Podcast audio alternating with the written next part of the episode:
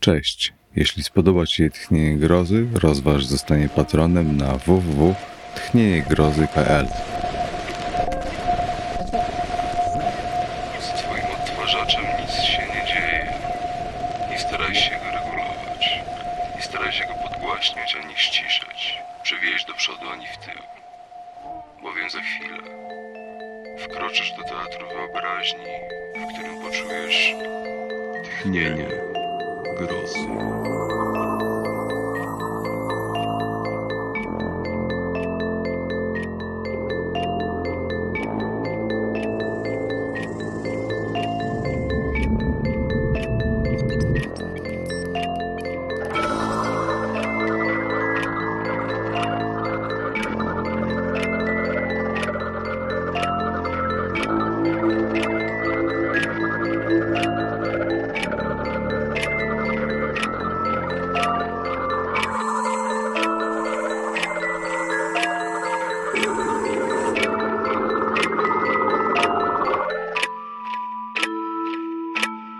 Mariusz Kaszyński Seans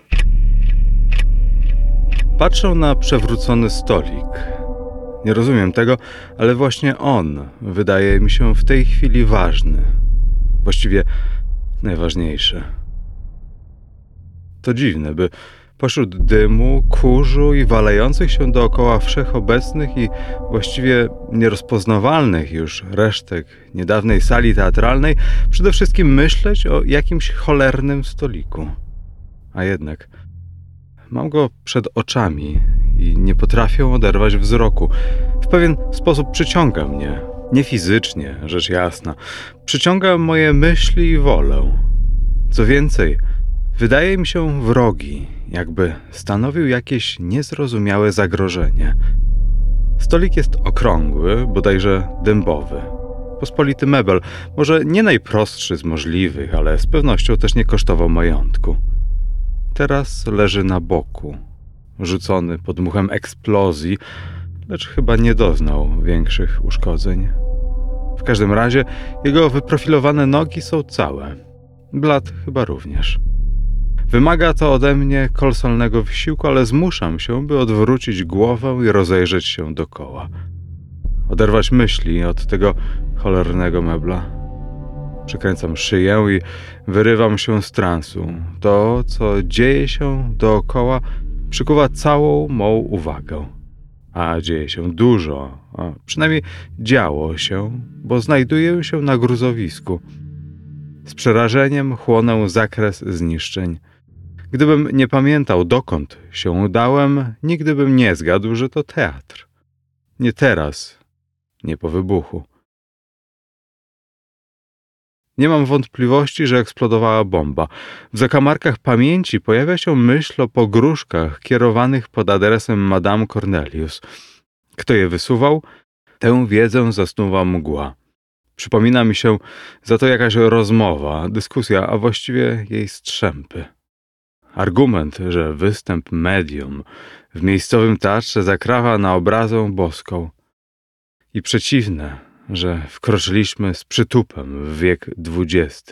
Przetrwaliśmy wojnę światową, a nadal dla wielu osób postęp i wolność, jaką ten ze sobą niesie, pozostaje nie do zaakceptowania że dalej słuchają głosu zapyziałych kapłanów, opierających swój osąd świata na księdze o rodowodzie grubo sprzed dwóch tysięcy lat i zatykających uszy i oczy na wszelkie aspekty nauki, bo te nie są już dłużej w stanie potwierdzić ich skostniałego światopoglądu. Ta wymiana poglądów mnie porywa. Czuję oburzenie, wręcz gniew, lecz szczegóły mi umykają. Nie potrafię się nawet ustawić po którejkolwiek ze stron. Po wybuchu doznałem jakiegoś rodzaju wstrząsu, który utrudnia zebranie myśli. Staram się więc nie roztrząsać przyczyn. Są nieważne. Odnalezienie zamachowca bądź zamachowców to zadanie organów ścigania. Czemu miałbym sobie łamać głowę i to teraz, gdy jeszcze w uszach nie przebrzmiał odgłos eksplozji? W tym momencie najważniejszą rzeczą dla mnie powinno być ratowanie siebie i innych. Rozglądam się. Przed wybuchem teatr zdawał się pełen, a jednak widzę zaledwie kilka osób. Może nie jest to tak niezwykłe, bo loże, a może wręcz cała ściana, na której się znajdowały, runęły do przodu, odcinając nas od większej części widowni.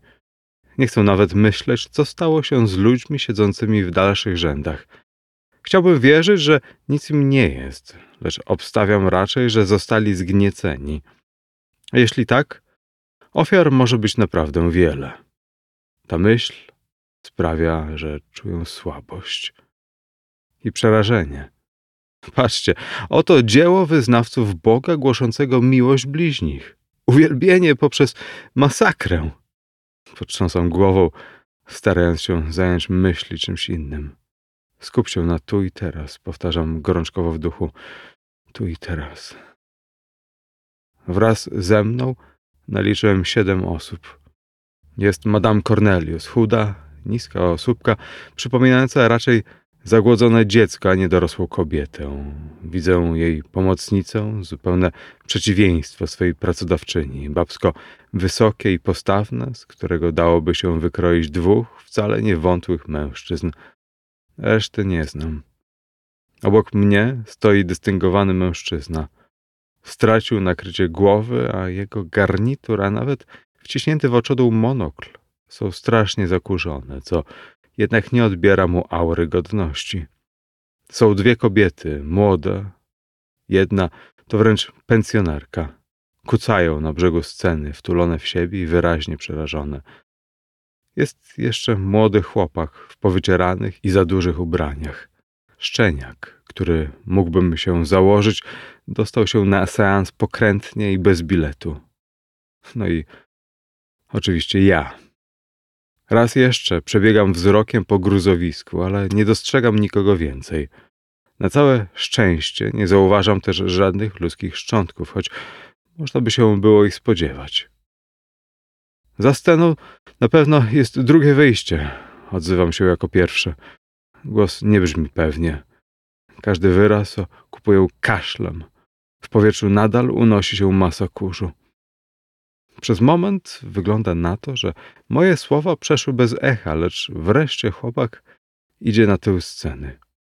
Wolno, z oporami, jakby bał się zrobić to w pojedynkę. Wraca dopiero po dłuższej chwili. Nie da się, stwierdza piskliwym głosikiem. Jak to się nie da? Baryton dystyngowanego mężczyzny w garniturze, mimo brzmiącego w nim zdumienia, brzmi uspokajająco. Poznaję, że to człowiek przyzwyczajony do wydawania poleceń, naturalny przywódca. Przyjmuje tę rolę niemal bezwiednie, jakby mu się należała. Dobrze sprawdziłeś? Szczeniak nie odpowiada, lecz na pomoc rusza mu pomocnica Madame Cornelius. Przez głowę przemyka mi myśl, że sunie niczym czołg przez okopy frontu wojny światowej, lecz porównanie nie wywołuje wesołości – Przeciwnie, mdłości. Pragnął się stąd wydostać i to jak najszybciej. Będę się śmiał i okazywał ulgę, gdy stanę ponownie na ulicy. Nawet nie drgnął. Chyba coś zawaliło się również po drugiej stronie. Ta diagnoza sprawia, że dwie młode kobiety tulą się do siebie jeszcze mocniej.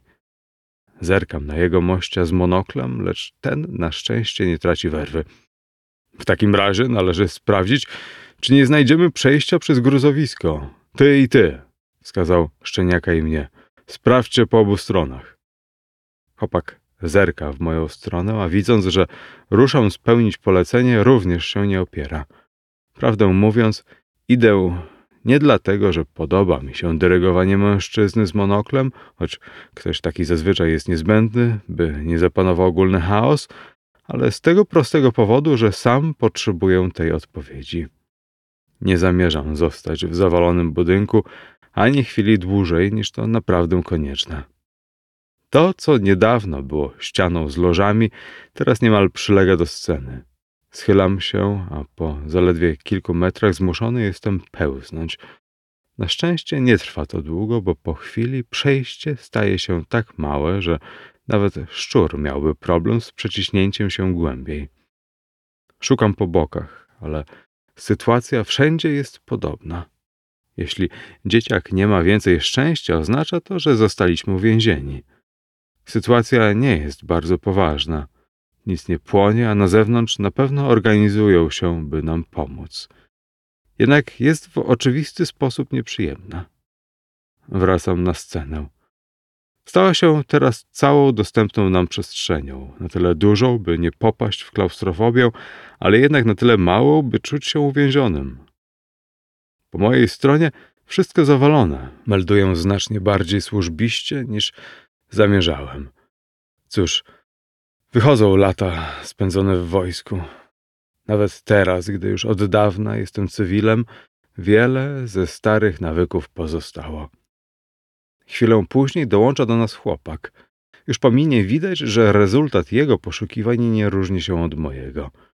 Nie mówi nic, kręci tylko głową. Dla pewności, nie żebym nie wierzył pomocnicy Madame Cornelius. Udaję się za scenę. Nie potrafię powiedzieć, jak wygląda to w innych teatrach. Tu faktycznie napotykam tylko jedne drzwi, solidnie zamknięte. Nawet nie dało się nimi zatrząść, co wydaje się aż dziwne. Zupełnie jakby ktoś umieścił klamkę na ścianie, jedynie malując wokół niej złudzenie wyjścia. Może i racja, że po drugiej stronie znajduje się kolejne zawalisko. Wracam do reszty. Dzięki Bogu nikt nie płacze. Jestem tak rozbity, że nie wiem, czy zniósłbym histerię. Proszę się nie niepokoić. Gentleman z monoklem niezmiennie uspokaja sytuację. Pomoc jest już w drodze. Nie potrafią powstrzymać się przed małym, złośliwym uśmieszkiem. Skąd to wie? Robi za medium? To domena Madame Cornelius. To ona teraz powinna wstać i wygłosić coś w rodzaju nie upadajcie na duchu, głosy z tamtej strony powiedziały mi, że ratunek jest bliski. Tyle, że sprawia wrażenie osoby, która nie podejmie podobnej inicjatywy. Ba, żadnej inicjatywy. Może to wina wybuchu, który ją ogłuszył? W każdym razie wygląda biednie, jakby stała nad grobem. Podchodzę i widzę ją z tak bliska jak nigdy dotąd. Nie znajduję nawet śladu niedawnej jeszcze charyzmy. Mam przed sobą może jeszcze nie staruszkę, ale liczącą już swoje lata kobietą, zmęczoną życiem, a może przybitą okolicznościami. Siedzi na krześle, głowę ma pochyloną, wzrok wbity w deski podłogi. Nic pani nie jest? Pytam odruchowo. Potrząsa delikatnie głową, jej usta poruszają się. Nie, dziękuję. Szept jest ledwie słyszalny. Weronika o mnie zadba. Gdyby jednak Proszę się nie krępować. Odpowiadam, bo tak wypada. Wcale nie mam ochoty niańczyć starszej pani. Zamierzam odejść, lecz medium zatrzymuje mnie ruchem ręki. Właściwie uśmiecha się blado ze skrępowaniem i przez moment odnoszę wrażenie, że patrzę wprost na obciągniętą skórą wyszczerzoną trupią czaszkę. Mrugam, wrażenie pryska. Czy pan też to czuje? Czuję co? Nie zadaję tego pytania, bo przecież w głębi siebie znam odpowiedź. Tak, otacza nas jakaś dziwna aura. Nie potrafię tego opisać, ani tym bardziej wytłumaczyć, lecz czuję, że coś jest nie tak. Bardzo, ale to bardzo nie tak. Daj spokój, to tylko nerwy. Staram się uspokoić. Wewnętrznie. Jednak wysiłki okazują się daremne. Niepokój zwycięża. Mimo to, starając się przywołać na usta uspokajający uśmiech, mówią: Nie rozumiem, niczego nie czuję. Chodzi o jakiś zapach? Widzę, że moje słowa uspokajają medium. Szkoda, że nie są w stanie uspokoić mnie. Gram błazna, dobrze wiedząc, że nie pytała o żadną woń. Ma na myśli coś subtelniejszego, a jednocześnie bardziej pierwotnego, coś, co sprawia, że atmosfera wokół z każdą chwilą staje się coraz bardziej duszna. Chciałbym stąd się wydostać, ale nie ma jak uciec. Skłaniam głowę i odchodzę kilka kroków. Tylko na tyle mogę się oddalić. Uporządkujmy nieco przestrzeń. Komenderuje tymczasem człowiek z monoklem. Dobrze wiem, że sam nawet nie kiwnie palcem. To typ od rządzenia, nie od roboty. Nie protestuję, bo to jednak jakieś zajęcie. Ucieczka w pracę pozwalająca zabić kilka kolejnych minut. Dobre i to. Należy ufać, że wkrótce ktoś się do nas dostanie. Wokół teatru na pewno zebrały się już tłumy. Nie mam wątpliwości, że przystępują do szukania ocalałych, nas. Więc dlaczego jest tak cicho? Ta myśl uderza mnie, jakbym dostał cios kijem. Czy nie powinniśmy słyszeć jakichkolwiek odgłosów, nawoływań, uderzeń kilofów, czy czego tam używają ci, którzy spieszą nam na ratunek?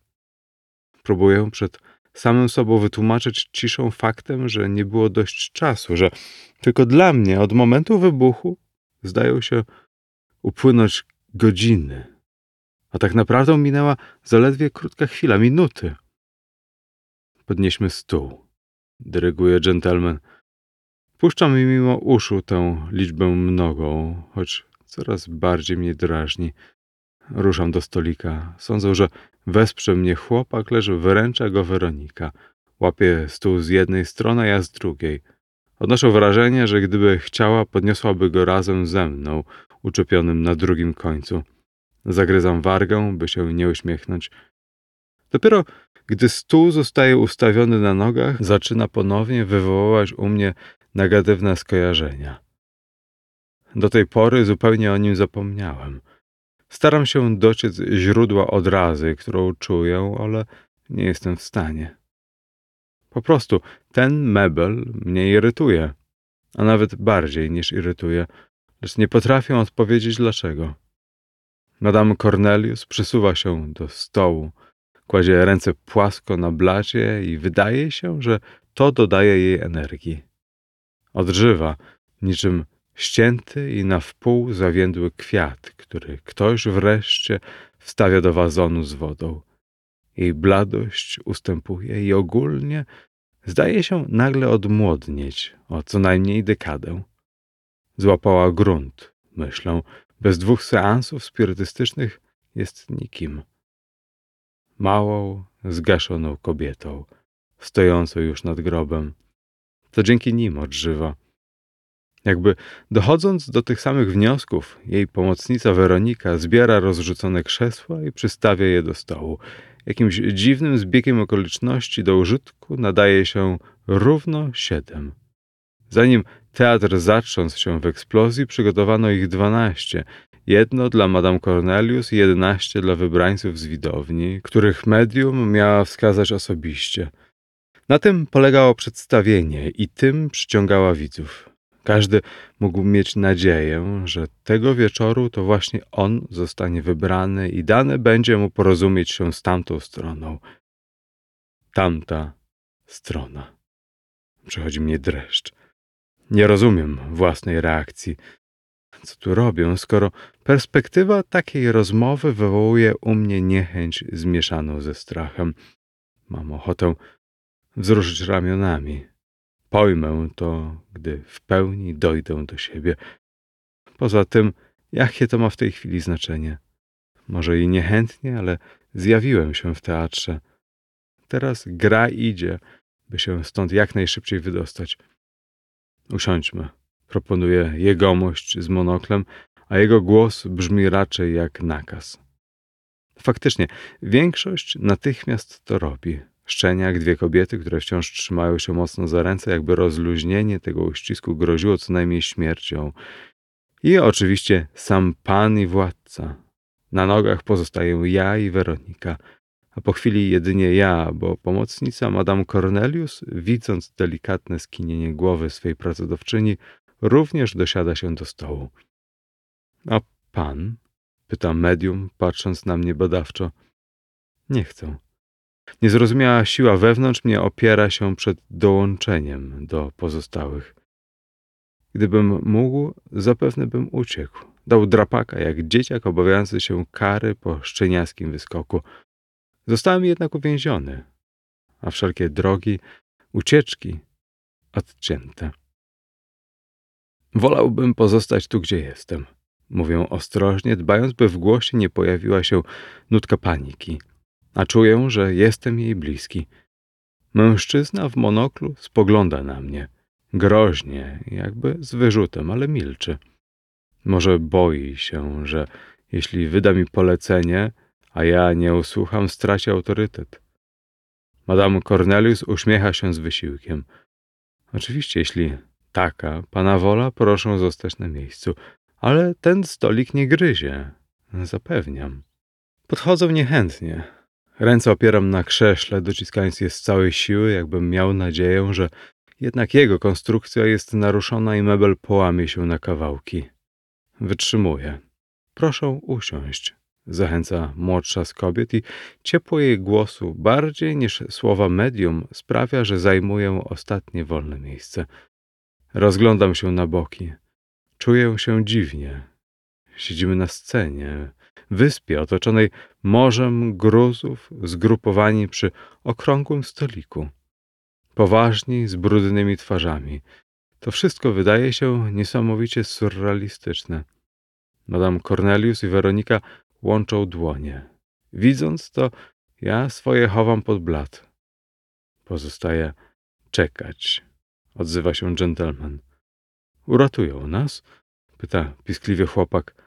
Wydawał się nieco starszy, ale jak teraz na niego patrzę, to uznaję, że nie ma więcej niż czternaście lat. Może nawet mniej. Oczywiście, to tylko kwestia czasu. Słowa mężczyzny z monoklem sprawiają, że siedzące naprzeciw niego młode kobiety uśmiechają się z wdzięcznością. Blady to grymas, mimo wszystko niepewny, ale zapewnienia wyraźnie podniosły je na duchu.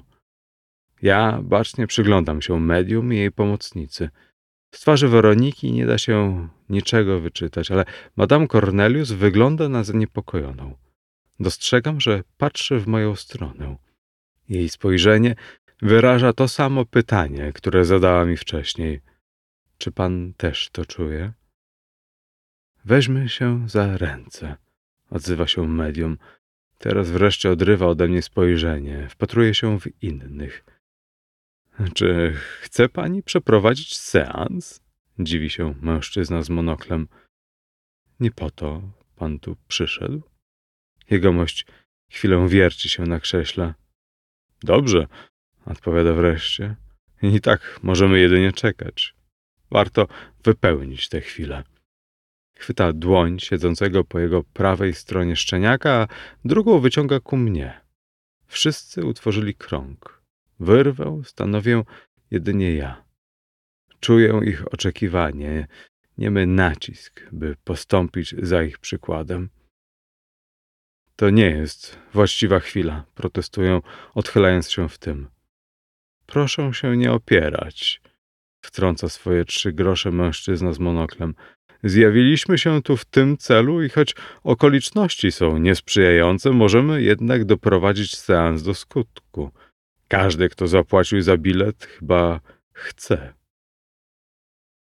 Zjawia się wielu sceptyków, przerywa Weronika, patrząc na mnie z trudem, skrywając pogardą. Uważają, że mają do czynienia z szarlatanką, pragną ją zdemaskować dla własnej sławy, albo po prostu spróbują zakłócić wydarzenie, a gdy przyjdzie co do czego, nie mają odwagi wziąć udziału. Milczę. Po wybuchu nie rozumiem wielu rzeczy, nawet dotyczących mnie samego. Może pomocnica medium ma rację i stąd właśnie ten dziwny opór, jaki odczuwam. Wiesz, że lepszej chwili nie będzie. Ciszą przerywa Madame Cornelius. Zdecydowanie kieruje te słowa do mnie, choć opuściła głowę, a oczy ma zamknięte. Sprawia wrażenie, że już wpadła w transa, w każdym razie jest tego bardzo bliska. Gdy stąd wyjdziemy, zaczynam niepewnie. Medium gwałtownie otwiera oczy. Wzrygam się, bo przez ułamek sekundy wydaje mi się, że są bladoniebieskie, niemal białe, jak u trupa. Wrażenie jednak szybko mija. Gdy stąd wyjdziemy, odzywa się, wymawiając wyrazy wolno, jakby z zastanowieniem. Nigdy więcej nie spotkamy się w tym gronie. Mógłbym przysiąc, że jej słowa należy rozumieć, jeśli stąd wyjdziemy. Nie pytajcie się dlaczego. Nie wiem tego. Tak czuję. Narasta we mnie przekonanie, że Madame Cornelius dostrzega coś, na co my pozostajemy ślepi i głusi. Ja również chyba jestem bliski uchwycenia tego czegoś, lecz umyka mi to o włos. A może nie o włos, a o gruby pień sekwoi, lecz jednak odbieram to. Przełamuję wewnętrzny i nie do końca zrozumiały dla mnie opór i biorę za ręce dżentelmena z jednej i młodszą z kobiet z drugiej strony. Jej rączka jest taka malutka, niczym dziecka. W sumie jest jeszcze dzieckiem. Może rok czy dwa starszym jedynie od szczeniaka siedzącego przy medium. Nie wiem, dlaczego to robią. Oznajmiam głośno, ale dobrze. Weronika rzuca mi kolejne pogardliwe spojrzenie. Za to wzroku medium nie jestem w stanie rozszyfrować. Widzę w nim nutkę strachu, ale i czegoś w rodzaju ulgi, jakby załatwiła jakąś sprawę, która do tej pory jej ciążyła. Nie sądzę, bym ja był tą sprawą i nie potrafię zgadnąć, o co może chodzić. Nie potrafię, ale zgadzając się na uczestnictwo w seansie, zapewne dowiem się, czy tego chcę, czy nie.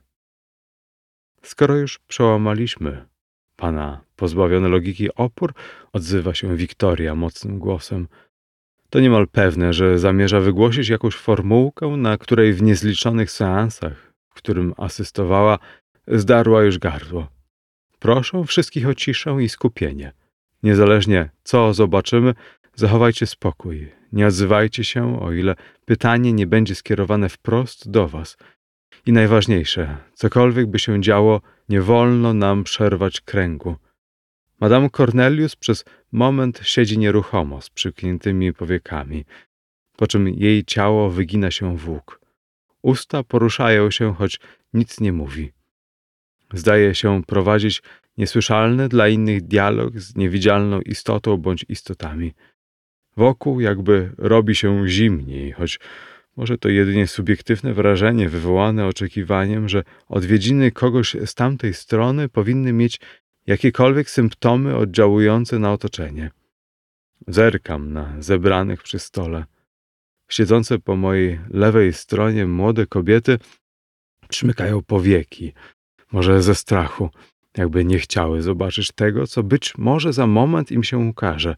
Dzieciak siedzący między medium a dżentelmenem z monoklem przeciwnie. Otwiera szeroko oczy i sztywno, obracając głowę, rozglądał się na boki. Tylko mężczyzna w garniturze wydaje się niewzruszony. Oczywiście nie wspominam o Wiktorii. Stara wyjadaczka przeżyła zapewne dziesiątki, jeśli nie setki podobnych seansów. A ja? Sam nie wiem. Czuję się dziwnie, ale nie sposób tego opisać. Odnoszę wrażenie, jakbym tonął. Nie brakuje mi tchu. Po prostu, po prostu czuję, że coś nadciąga i mnie otacza szczelnie i dokładnie wypełnia całą przestrzeń. Czy jest tu ktoś z nami? Odzywa się wreszcie Madame Cornelius lekko drżącym głosem. Stolik wydaje się chybotać, a może to drżę ja i pozostali? Kim jesteś? Wyjaw swe imię, wzywa medium. Żadna odpowiedź nie pada. W każdym razie ja jej nie słyszę ale na moje oczy spływa obraz. Otula mnie. Zamykam powieki, by lepiej widzieć szczegóły. Jest niewyraźny, jakby zamglony. Zdaje się zanurzony w oparach dymu. Mętne zarysy przypominają sylwetkę strażaka, lecz wszystko jest zbyt nieczytelne, bym zyskał pewność. Mężczyzna, o ile to faktycznie mężczyzna, macha rękoma, jakby się od czegoś opędzał. Chyba nie ja jeden odbieram ten przekaz. Słyszę przyspieszony oddech kobiet. Jegomość z monoklem mruczy coś niewyraźnie do siebie. Wizja prawdopodobnie jest wspólna, choć nie mogę wykluczyć, że im objawiło się coś innego. Korci mnie, by przerwać krąg, ale podświadomie boję się konsekwencji. Poza tym, nawet jeśli ja rozluźnię uścisk, to moi sąsiedzi trzymają mnie kurczowo. Ich palce pełnią sił, zaciskają się na moich dłoniach. Nie mam pojęcia, czy zdołałbym się wyszarpać. Pozostań z nami, słyszę głos Madame Cornelius. Może mówi do zjawy, lecz wydaje mi się, że jednak do mnie. W jakiś sposób wyczuwa moją chęć dezercji. Ja? Pytam. Tak, ty, potwierdza. Z twojej przyczyny się tu znaleźliśmy. Nie rozumiem jej stwierdzenia. Nadal nie potrafią przywołać zbyt wielu rzeczy sprzed wybuchu. Zapewne potrzebują czasu, by pamięć wróciła. Widziałem podobne rzeczy u żołnierzy, gdy walczyłem na wielkiej wojnie. Godziny, dni, a może tygodnie uleczą mnie, bo czas goi rany. Ponoć dłonie mi się pocą. Nie przejmuj się. W zasadzie pragnę ci podziękować. Ciągnie medium łagodnym głosem. Bałam się, bałam tej chwili, a ty sprawiłeś, że to po prostu się stało. Mimo całego mojego doświadczenia, nie sądziłam, że aż tak łatwo przekroczyć granicę, że jedno następuje po drugim, jak dzień po nocy, naturalnie i gładko. O czym mówi? Nie pojmuję ani słowa, lecz mój niepokój narasta, ogarnia mnie panika. Nie rozumiem, szepczę gorączkowo. Też nie pojęłam od razu. Teraz uważam, że to zabawne. Nie wychwyciłam istoty różnicy, choć na moje usprawiedliwienie mogę powiedzieć, że sama różnicę wyczułam i sądzę wbrew twym zaprzeczeniom, że ty także. Czemu Madame Cornelius skupia się na mnie, nie na zjawie? Czuję, że dłużej nie wytrzymam. Mam dość. Chcę wstać. Jeszcze tylko chwila, zaraz zrozumiesz. Patrz. Ponownie dostrzegam strażaka. Teraz już nie mam wątpliwości co do jego profesji. Przedziera się przez gruzy, dociera do. Dłuższą chwilę zajmuje mi zrozumienie, co zjawa ma przed sobą, lecz wreszcie to rozpoznaję. Ludzkie szczątki, straszliwie zmasakrowane ciało. Widzę wystające żebra, wnętrzności rozlane pośród odłamków cegieł. Twarz jest w takim stanie, że ciężko wychwycić jakiekolwiek szczegóły, chociaż włosy szpakowate, poprzetykane pasmami siwizny, krótkie włosy wydają się znajome, nawet teraz, gdy są brudne i potargane. Odruchowo unoszę rękę, pragnąc dotknąć głowy, lecz uścisk mężczyzny w garniturze jest zbyt mocny. To nie są moje włosy. To nie jestem ja. Przyjrzyj się. Tym razem odnoszę wrażenie, że głos medium płynie nie w powietrzu, lecz przez krąg. Mówi do mnie myślami. Posłusznie patrzę. Te nędzne szczegóły, które jeszcze da się rozpoznać, utwierdzają mnie w przekonaniu, że ma rację. Wszystko wydaje się znajome, zbyt znajome. Patrzę na siebie, na własne szczątki. Dopuszczając do siebie tę myśl, przełamuję tamę. Wokół narasta prąd, który ciągnie mnie ze sobą. Znika strażak i gruzy widzą siebie w niezniszczonym jeszcze teatrze. Widzę i nareszcie rozumiem. Wracają dotąd ukryte wspomnienia. Stoję na widowni tuż przed sceną, na której krząta się Madame Cornelius wraz ze swoją pomocnicą. Trwają ostatnie przygotowania do spektaklu. Jest już wielu widzów, ale jeszcze nie wszyscy. Uznaję, że to najlepszy moment. Idealny, by zatrzymać to bluźnierstwo. Idealny, by przerwać działalność kobiety, która urąga prawom boskim i ludzkim. Umarłych należy pozostawić w spokoju. Należą do Stwórcy. Wyciągam bombę, którą zamierzam rzucić na scenę, lecz w tym momencie świat zalewa błysk światła. Coś nie działa, jak należy. Ładunek eksploduje za wcześnie, a potem znów wracają gruzy. Już nie widzę własnych szczątków, tylko inne ciała. Jest jegomość z monoklem, choć Z samego monokla, jak i całej głowy nie pozostało wiele. Są obie kobiety. Nie trzymają się za ręce, bo już nie mają rąk. Właściwie rozpoznają je jedynie po sukniach, które noszą. Jest dzieciak w zbyt dużych ciuchach, być może po starszym bracie. Leży na brzuchu i przez moment wydaje mi się niemal nietknięty, aż wreszcie dostrzegam, że brak mu nogi. Z miednicy wystaje poszarpany, krwawy strzęp. Na scenie leżał martwy medium i Weronika. Zrobiłem to, lecz w tym momencie nie czuję już dumy, jedynie przerażenie. Jestem mordercą. Widzisz? W moją głowę wdziera się szept Madame Cornelius. Widzę. Dłużej nie mam siły zaprzeczać. Pragnę uciec, lecz teraz już wiem bezsprzecznie, że nie ma ucieczki. Zostanę tu na długo. Może na zawsze. Medium przerywa krąg, uwalniając ręce siedzących obok. Patrzy na mnie. Wszyscy na mnie patrzą. Posępnie, z wyrzutem. Duchu, kim jesteś? Wyjaw swoje imię. Czytał Jacek Brzezowski.